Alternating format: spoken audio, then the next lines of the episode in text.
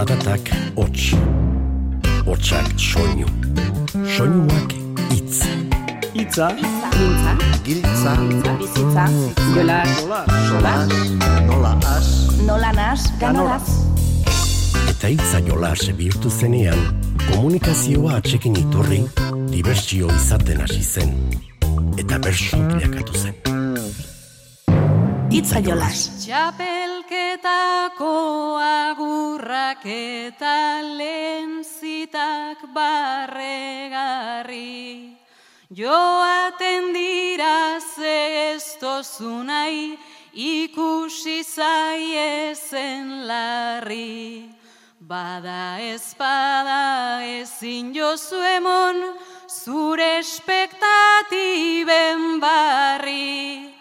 Esaldi eginak botaten dozuz, moñoa erdiok erjarri, ta hortzarteko pipa etzara jabetzen sarri, ia alan beseduzi duten, zaitugun gaurretxe barri. Arratsaldeon etxe barrian, tenkatzear dago soka, batzuk debuta besteak lendik, finalari ate joka. Egun pasa ez natorren arren, Gozatzea da erronka, daukadan onena bota, eusteko norgeiagoka. Aupa imanol animo miren, onintzai bonta gorka, presio barik gerra apur bat, emateko prest natorta. Presio barik gerra apur bat, emateko prest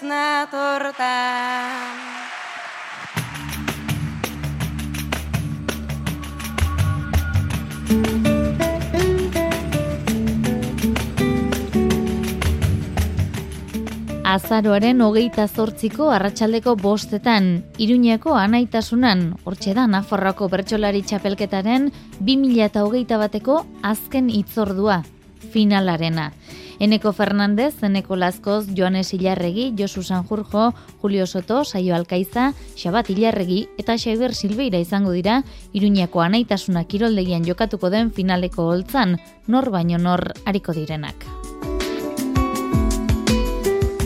Saio hasieran entzun dituzuen ahotsak berriz, Bizkaiko bertsolari txapelketako lehen final aurrekoan entzundakoak ditugu Miren Amuriza eta Paule Loizaga genituen. Izan ere, hasi da final aurrekoen fasea eta bi hitzetan laburbildu beharko bagenu, sorpresa eta guzti hasi dela esango dizuegu. Gorka Pagona Barraga izan baita finalerako txartela eskuratu duen Bizkaiko lehen bertsolari.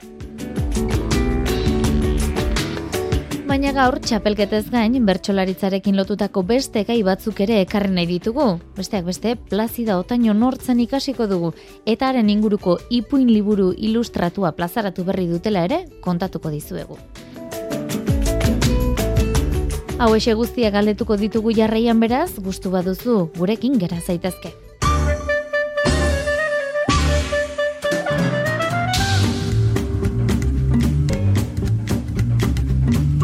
Eta inigo ibargurene kargaitze lortzari botazion bederatzikoa osatzeko erronka, eta hause duzue, jaso dugun erantzuna. Zer moduz bizi zera loiola aldean. Ez da horrelakorik gaur azpeitian. Loiola tarren gandik asko ikasian. Kontatuko dizuet momentu batian, apaiz artian, monjak etartian, kristauak pakian, ta aurrak parkian, Bisitatzera torri nahi dezunian, bisitatzera torri nahi dezunian. Kaixo, nire puntue bainali zazori bota nahi nioke, bai, hainbat ekintza ezberdin egin ditegu alkarrekin, eta bertzutan ez dugu aukera egiteko, eta hain momentu ikusten dut eta aprobetsatu nahi dut. Oxe lizazorekin gogoratzen gera. Urrengo saioan gauzak ondo, peinat lizasoren bederatzikoa entzungo dugu.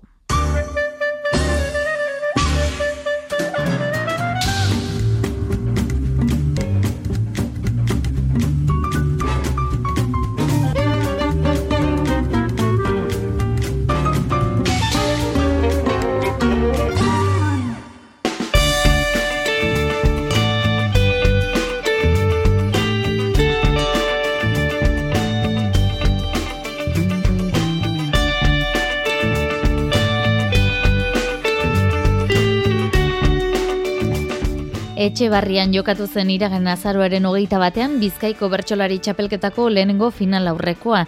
Ibona Juriago Geaskoa, Miren Amuriza, Onintzen Beita, Paulesi Arloizaga, Gorka Pagona Barraga eta Imano Luri aritu ziren nor baino nor. Eta epaimaiak ala erabakita, Gorka Pagona Barraga izan zen puntu gehien batu eta honen bestez Bizkaiko finalerako txartela lortu duen lehen bertsolaria. Gaiak jartzeaz berriz, ziaren Beita arduratu zen.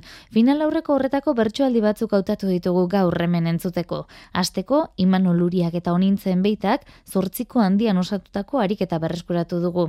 Integrazioa edo nahi bada kultura arteko distantziaz aritu ziren bertxotan. Imanol eta Onintza. Zuo biok bizimodu hobearen bila etorri zinien Euskal Herrira. Berton errotu harren, zuk Imanol, alegina egindozu zure jatorriko kulturari eta ohiturei eusteko onintzak ostera ez.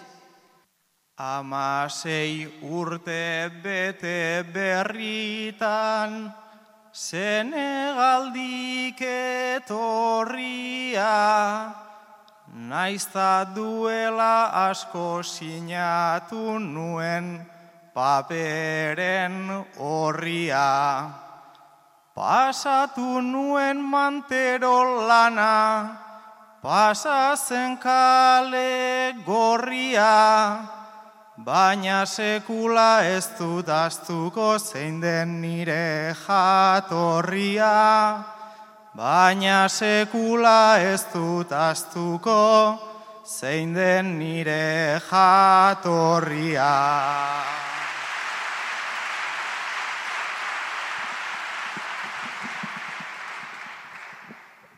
Papelik barik hasi genduan, bidea suabe, suabe, kamioietan, autobusetan, hainbeste kalamidaden.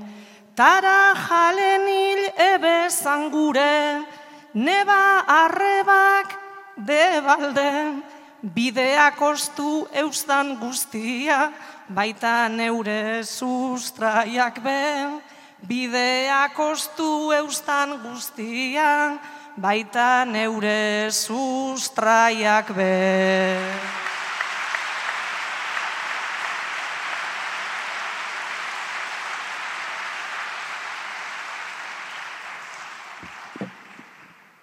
Baina oraindik onintza duzu, beltz koloreko azala, berreskuratu behar zenuke nik egin nuen bezala.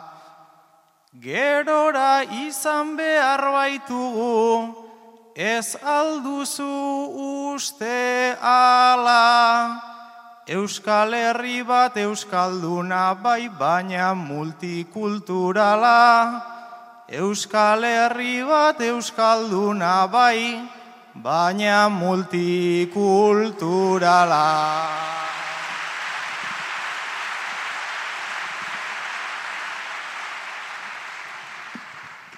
Gure azalak erakartzen dau, horren beste begirada, ebitetako ikasineban, egun batean euskara.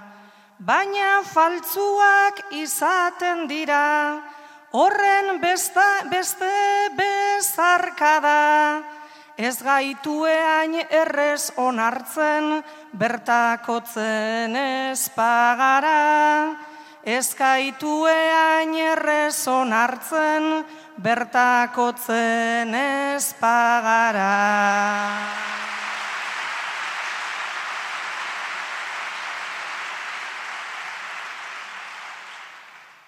Ez gaituztela errez onartzen, hori da egia gordina, eta nik ere naizta sarritan pentsatu dudan berdina. Haien jarrera izan behar da egun baten atsegina, eta guk egin bezala haiek egitea alegina, eta guk egin bezala haiek egitea alegina.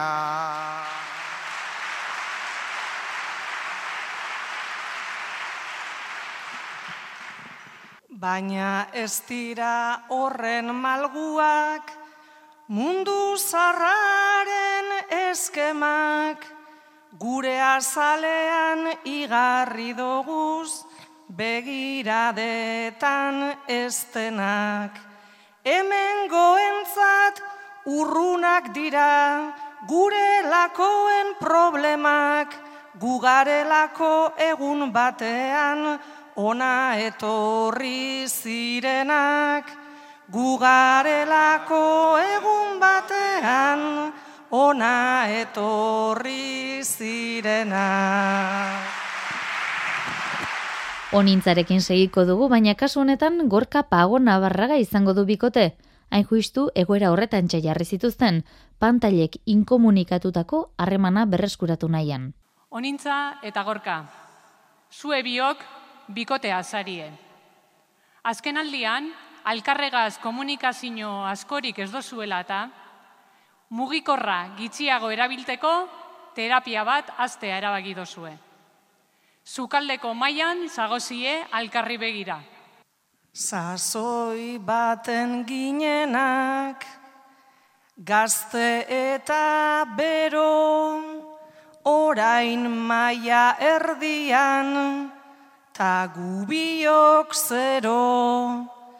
Terapia zidaigun, ordu erdira edo, azkenengo mezua, bota eta gero, azkenengo mezua, bota eta gero.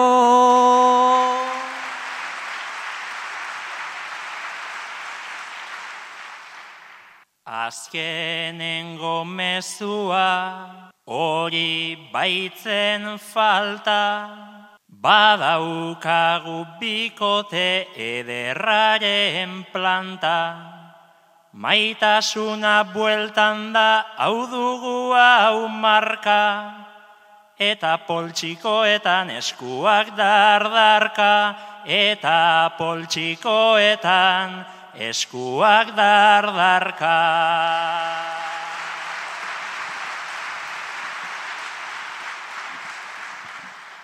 Eskaren ez ausartzen, ez errezatera, tentsionoa sartu da, gure eskatzera. Maia utzik dago, ez mobilez zera, nahi badozu igongo dot maiaren ganera. Nahi badozu igongo dot maiaren ganera.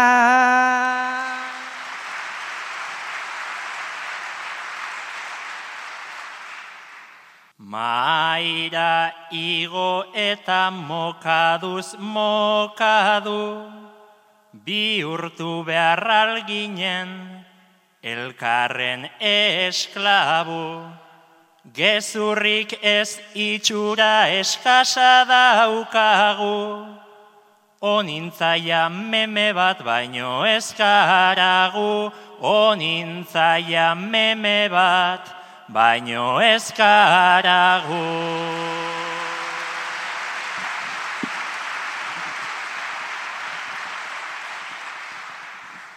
Ezaitez desanimau, Ainarin mesedez, gubiok terapian, asiak garenez. Animau zeo zertan, neurez edo zeurez, memea izan eike, baina mamala ez.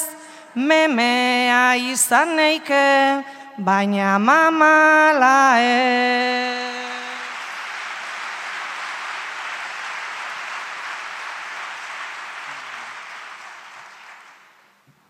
Mobilaz edo gabe, gu geurean tinko hainbeste errespetu, guk elkarrekiko, ta orain guatxapera bi korazon zito, memelasko maiteko zaitu nik betiko, memelasko maiteko zaitu nik betiko. Amarreko txikiko bertsoaldi bat ere ekarri nahi dugu, Paulek eta Gorkak osatutakoa, nora joko zenukete zuen enpresa ondoa jotzeko arriskuan ikusizkero? Paule, zuk enpresa bat sortu zendun, eta orain jubilauta zagoz. Gaur egun, enpresa hori txarto doalata, Gorka, zuzendaritzako kidea, aholku ezke etorri jatzu. Jubilatzeko heldu zitzaidan adina, naiz enpresa usteak egin zidan mina. Orain zuek egin behar, kriston alegina, nik nola izango dut orain eragina, egoera hau bada guztiz ezberdina.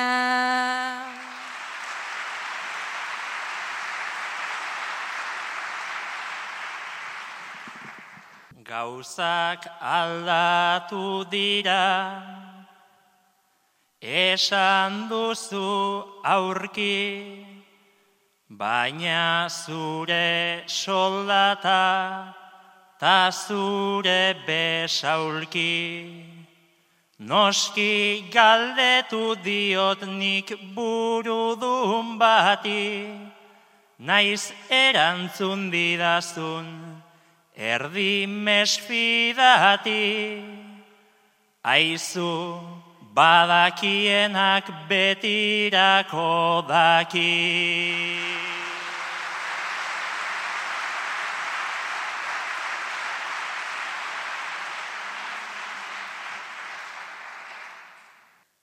Garaitxarrak biziko baditu enpresak, ez dizu balioko gaur nire ezetzak.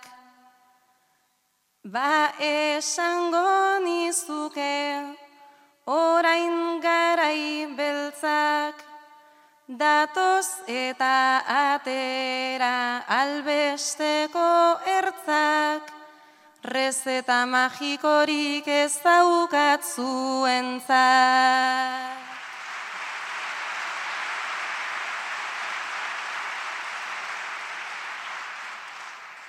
Txarto ateratzen da, enpresan gurpila, eta jasotzen gabiz, kriston egurpila. Errezetarik ez da, lasaitu nabila, txarto zen biltzanean, zu paule abila, nora joaten zinen gomendio bila.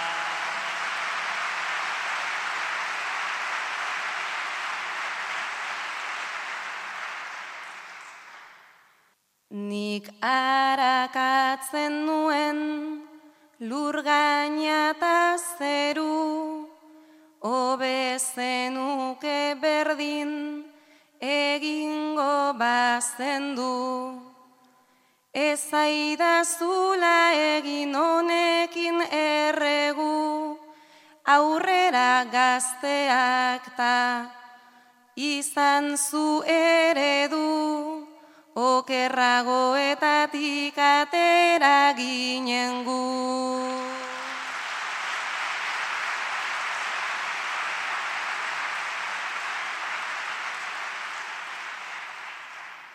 Okerragoetatik egin zendun alde, realidade aztertuz bai alderik alde, zeru zoru enbila, aztertu goitabe, enpresa pikutara joango da, alare, ez behar den izerdi dena botagabe. Bakarkako ariketen artean miren amurizak osatutako lana ekarri nahi izan dugu. Gaia ireki izaki, miren ekartutako bidea, eta azaroaren hogeita bosta pasa berri dugula ikusita, ezina proposagoa iruditu zaigu. Urreratzeko keinua egin deutzu, ezago seguru. Kuadrilako lagun bati Mutilagunak desgaste, brutala eragin deutzo, bere arauta isilerazte, tratu txar psikologiko, jarraituak aste zaste. Indarkeria matxistak, beragaz dakarren lastre, guztiak itxi espalitz, epaitegiak desastre.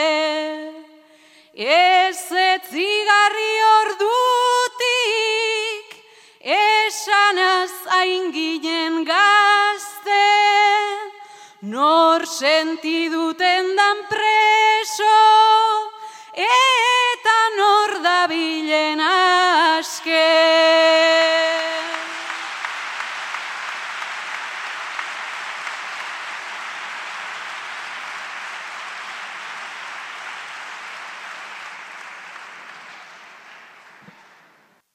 Kotxearekin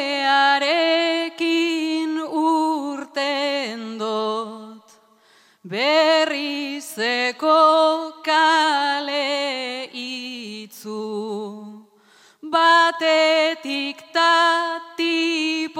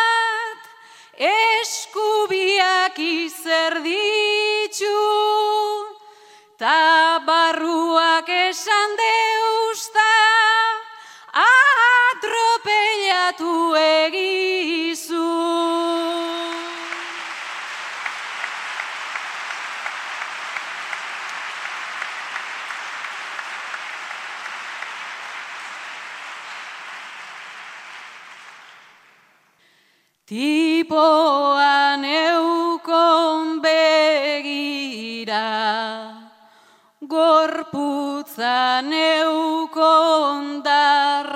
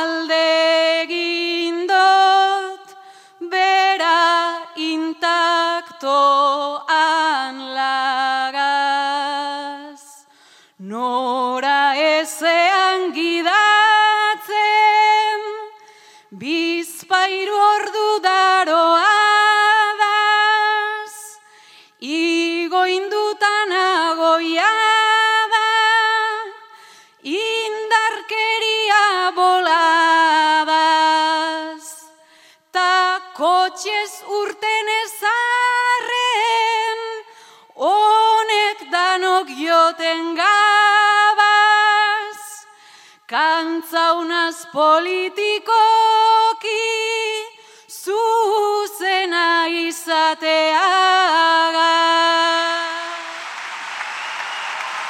Bizkaiko bertsolari txapelketaren urrengo itzordua, azaroaren hogeita zazpian, galdakauko urreta kiroldegian izango da arratsaldeko bostetan.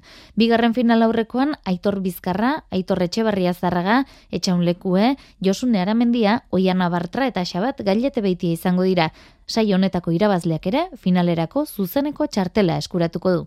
Itzaiolas Euskaderratian.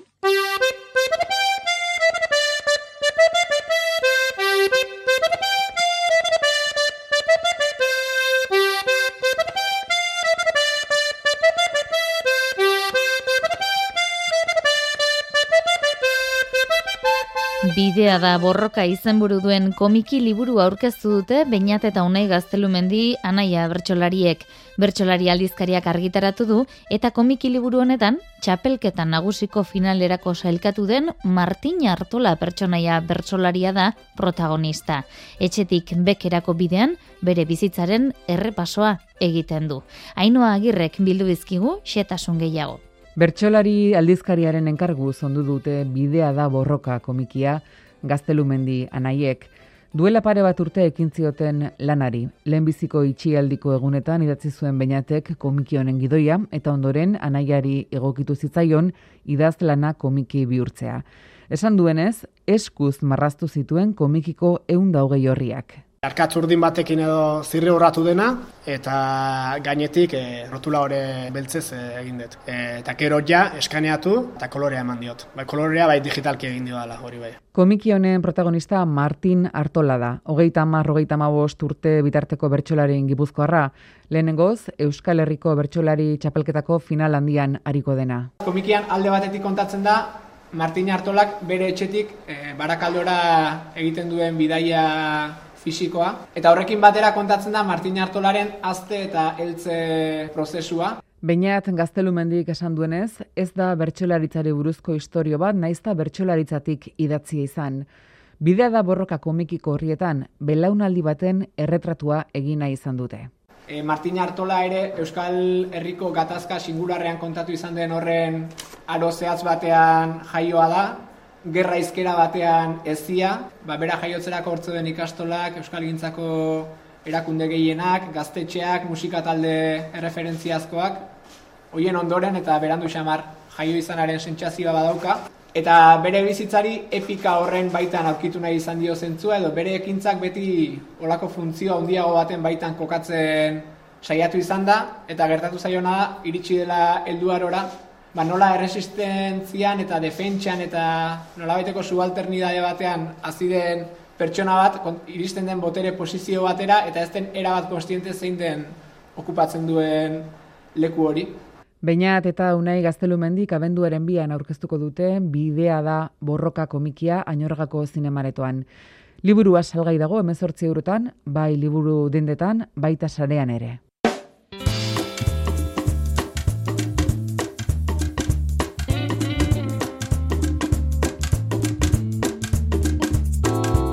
Aste honetan bertan ikusi du argia, Plazida Oihartzunaren plaza liburuak.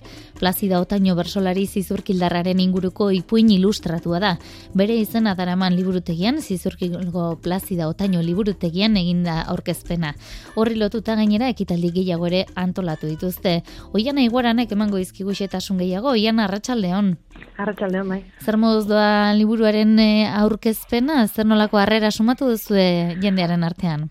Bueno, ba, jendeak pozez hartu duela sumatu dugu, baina gero gainera, ba, bueno, neko harri duraz, e, erriko ezen jendeak ere zenbaterainoko interesa agertu duen, eta jendea galdezka sumatu dugu inguruan bai. Mm Zu amasarra zara, oiana, mm -hmm. jarri dizkiozu hitzak plazidari buruzko ipuñari, eta mm Maria Altuna artista zizurkildarrak egin dizkio ilustrazio edo marrazkiak. Etxeko artistekin, etxeko artistari buruz aritu zaretela esan dezakegu? Bueno, esan liteke, bai, egia esan e, opari bat izan da guretzat, ba, ba bueno, e, gurekin kontatu izana, ba, esperientzia duten beste bat ere bazirelako aukeran, eta eta guri eskin izaigu, ba, ba aukera, eta, bueno, egia esan, bai e, baliabideak, denbora, eta eta prozesua oso zaindua izan da, eta egia esan, ba, poza ematen du ez, hain gertu genukan erreferente baten inguruan lan hau egin nalizateak. Mm Nola dieraziko zenuke bestela e, zer ez batentzako nortzen plazida otaino? Ba, plazida otaino zen, e, otaino tarren esendi ezagunean sortu zen beste bersolari bat, baina, e, bueno, plazida otaino, ba, emakume sortu zen ez, e, kantatu zutela badakigu eta kantatu izan zuela, baina, bueno, en, esparru publikoan edo plaza, plaza publikoan ez genuen entzuterik izan, eta bere bi berso heldu zaizkigu, e, lehenengotariko bersoa jasotako emakume bati berea da, eta eta bi berso horiek hain zuzen ez, e, bata aitari kantatu ziona, aita ere bersolaria baitzuen, eta bestea txerrita bersolari ezagunari eman zion erantzuna, eta horien bidez ezagutu dugu orain arte, baina ba, jakin badakigu etxe hartan, otainotarrek, e, asko kantatzeko ohitura zutela, eta, eta noski pentsaliteke, ba, ba berak eta Adriana Otaino aizpazuenak ere ba, kantatzen zutela jakina da. Mm plaziaren ahotsa plazara ekartzea izan duzu helburu, etxean ere emakumezko bertsolariek izan izan zirela bistaratzeko orduan, ezta?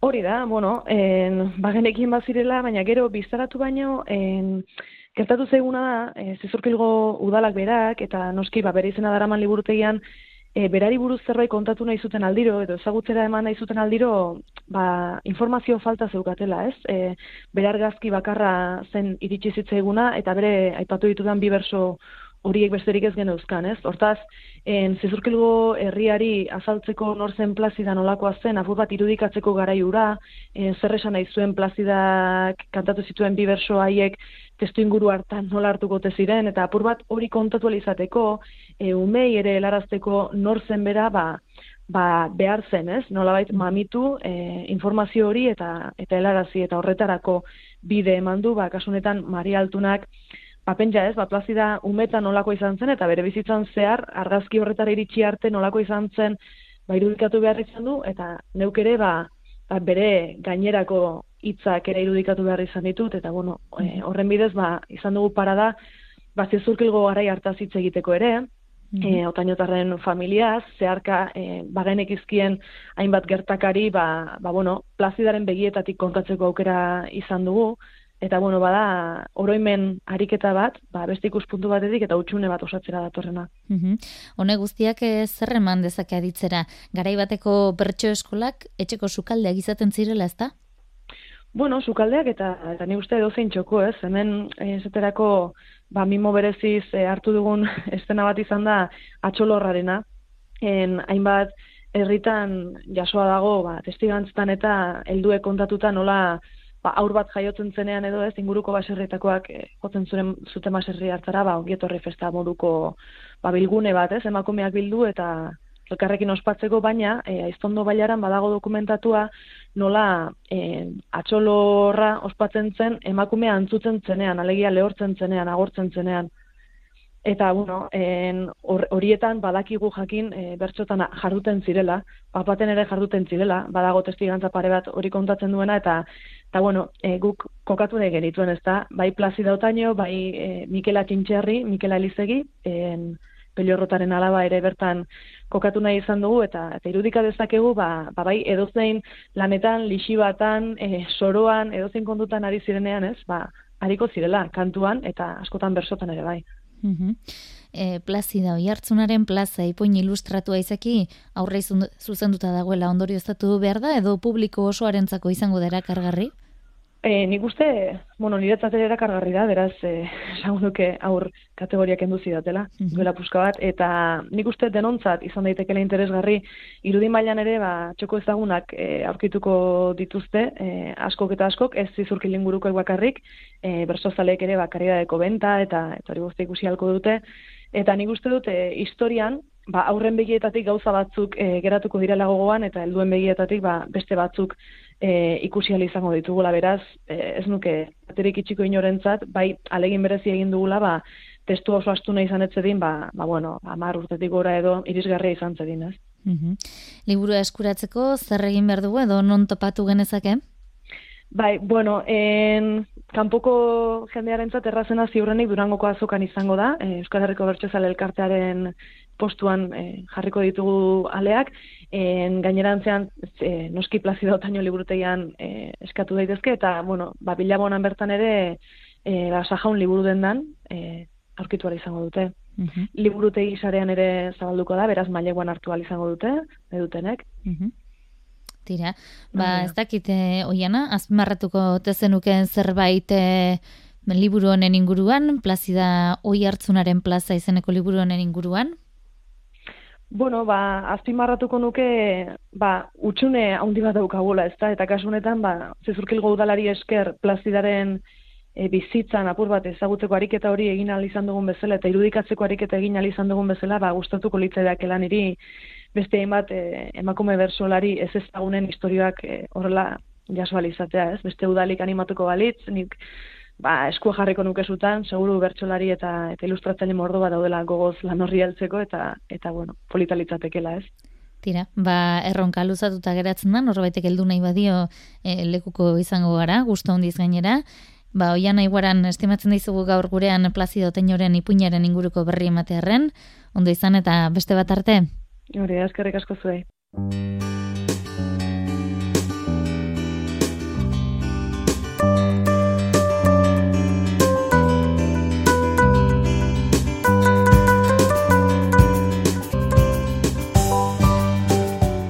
Nafarroan ordu gutxiren buruan argituko da norri izango den 2008 bateko Nafarroako bertsolari txapeldun berria.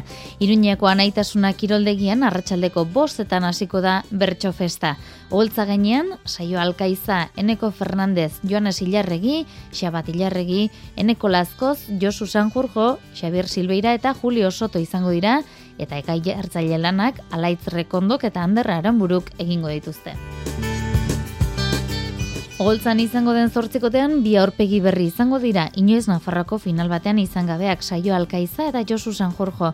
Ba, entzun ditzagun zortzi bertsolariak finalaren atarian nola dauden eta zer egin nahi duten adieraziz. Julio Soto, Eneko Lazkoz, Joanes, Ilarregi, Saio Alkaiza, Josu San Jorjo, Xabat Ilarregi, Xaber Silbeira eta Eneko Fernandez dituzue urren ez urren. Ni finala oso alde zaurretik bintzat ederra izan daitekeen susmoarekin ikusten dut. Orokorrean uste dut, e, zortzikote oso polita gelditu dela, gero bersotan egin behar da. Sensazio aldetik, ba, gogo zarrapatzen hau errespetu handia diot, eta humiltasun handiz begiratzen diot holtza horri. Bueno, asmoa, lehen esan dudan bezala, kantatzen dudan bertso bakoitza, ba, inoiz kantatu da honena izatea. Gero ez da inoiz gertatzen, baina saiatu bintzat hortan saiatuko gara binakako ariketa horietan ba, orain artekoa baino zerbait hobea egin eta bakarkakotan berriz ba gustora ditu naiz ta horri eutsi edo hobeto alba dut ba hobetu. Bueno, eh nik uste txapelketa guzti neuki duten ba, filosofia o asmoa, ez? Izan duela joatea holtzara eta batez ba holtzan gustoa sentitzea. Normalen horrek ekartzen dolako ba, gero ba, bai zure berezko mailara aldik eta gehien hurbiltzea edo zure hobena ematea. Bigarren finala izan data, ba, alden gorana gelditzeko borrokan aitzea, eta hoi, aztu gabe, ba, guztua aitzeani eta publikoare bai gustoa gelditzea. Egin nahiko nuke saio ona eta ale politen bat uzten baldin badut konten geratuko naiz. Denala badu gogoa saio osoan zehar borrokatzeko, sorkuntzan aritzeko posible bada, ea zaiti dira berianterik etorriko zaida, baina ba, ertza bilatzeko gaiei edo bintzat hortan alegintzeko. Orain arte txapelketan egindakoarekin gustora nago eta mantentzen alko banu aldarte hori oholtzan ba, konten nengoke. Eta, bueno, kosta zait iristea, orduan borrokatzerare banator, eta ea ze ateratzen den.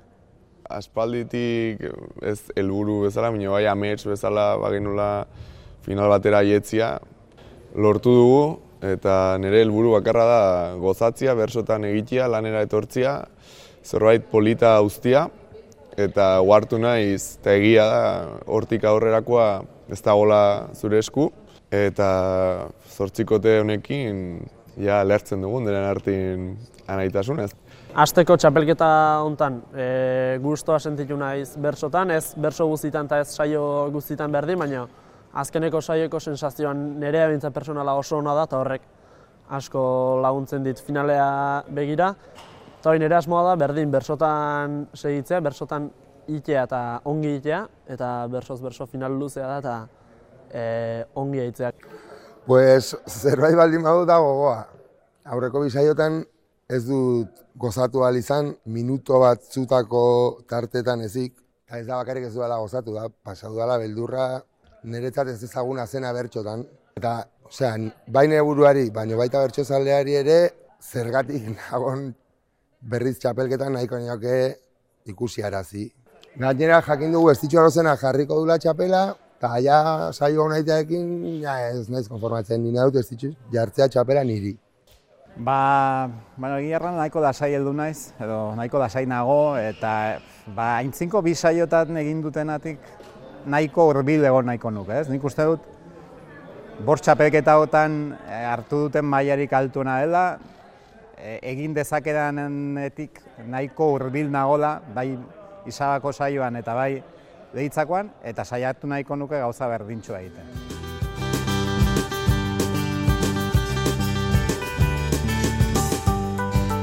Entzun duzuen gixan estitxu arozena izango da bai txapeldunari txapela jartzeko orea izango duena.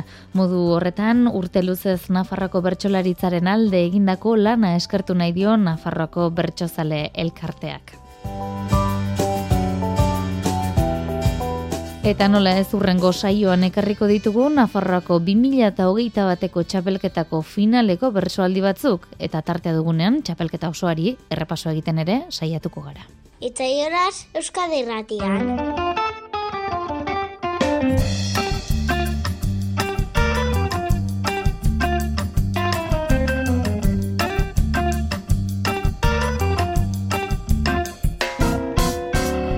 Final baten aipamenetik beste batera ingo dugu segidan izan ere ate joka dugu bertsolari gazten hogeita bederatzigarren BBK sariketaren finala.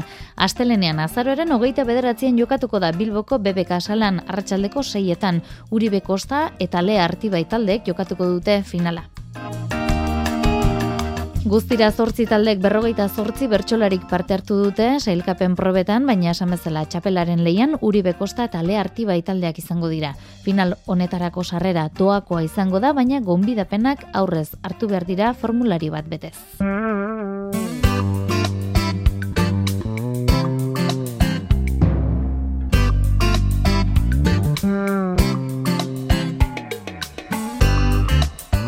Eta hauek esan da, amaitzeko garaia iritsi zaigu, Julen San Martin denikaria eta biokaritu gara gaur saioa josten, beraz jaso zazue gure agurrik beroena.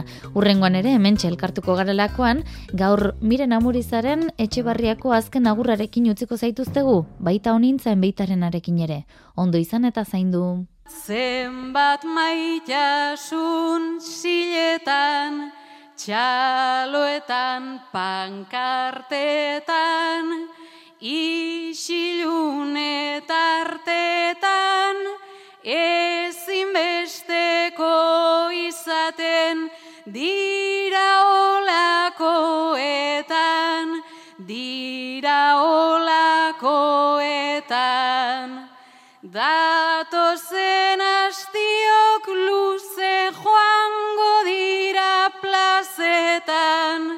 entzuten da kantetan, ta balerianak erosten joango naz bihar bertan, joango naz bihar bertan. Mila zoriongo orka portau egin zara, Veteranoei emon deuskuzu pasada, borondateaz gatoz gutxapelketara, batzuetan gloria edo laprastada, inoz ez da justoa baina ederra da. Inoz ez da justoa baina ederra da.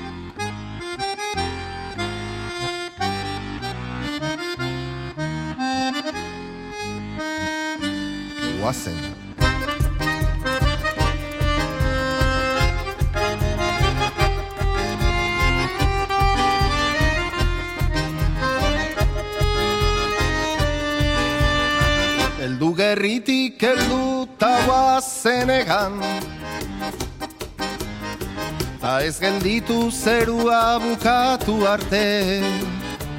Etorkizuna nahi duzuna zugan dago. Zer falta zaizu esaida zuzer Egin ezazu egin behar dezuna. Negu gorriak ekere alazioen Askatasuna, maitasuna zugan daude. Ez utzin horri lapurtzen ezer. Begiratu zure gainera Izar guztiak zuretzat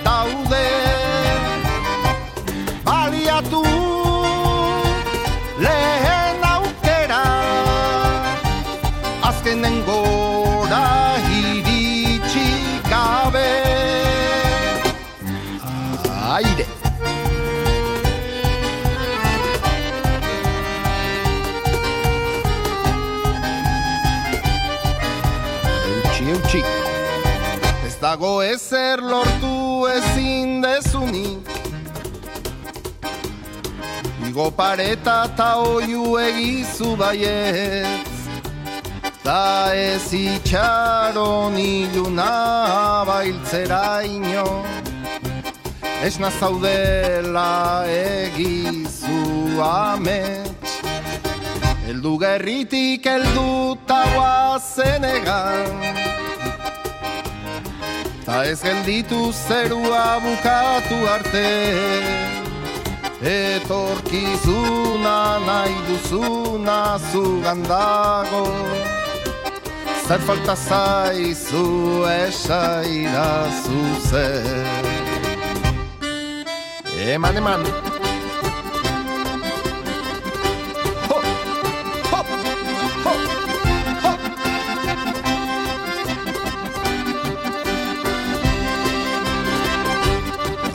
Tu bat gara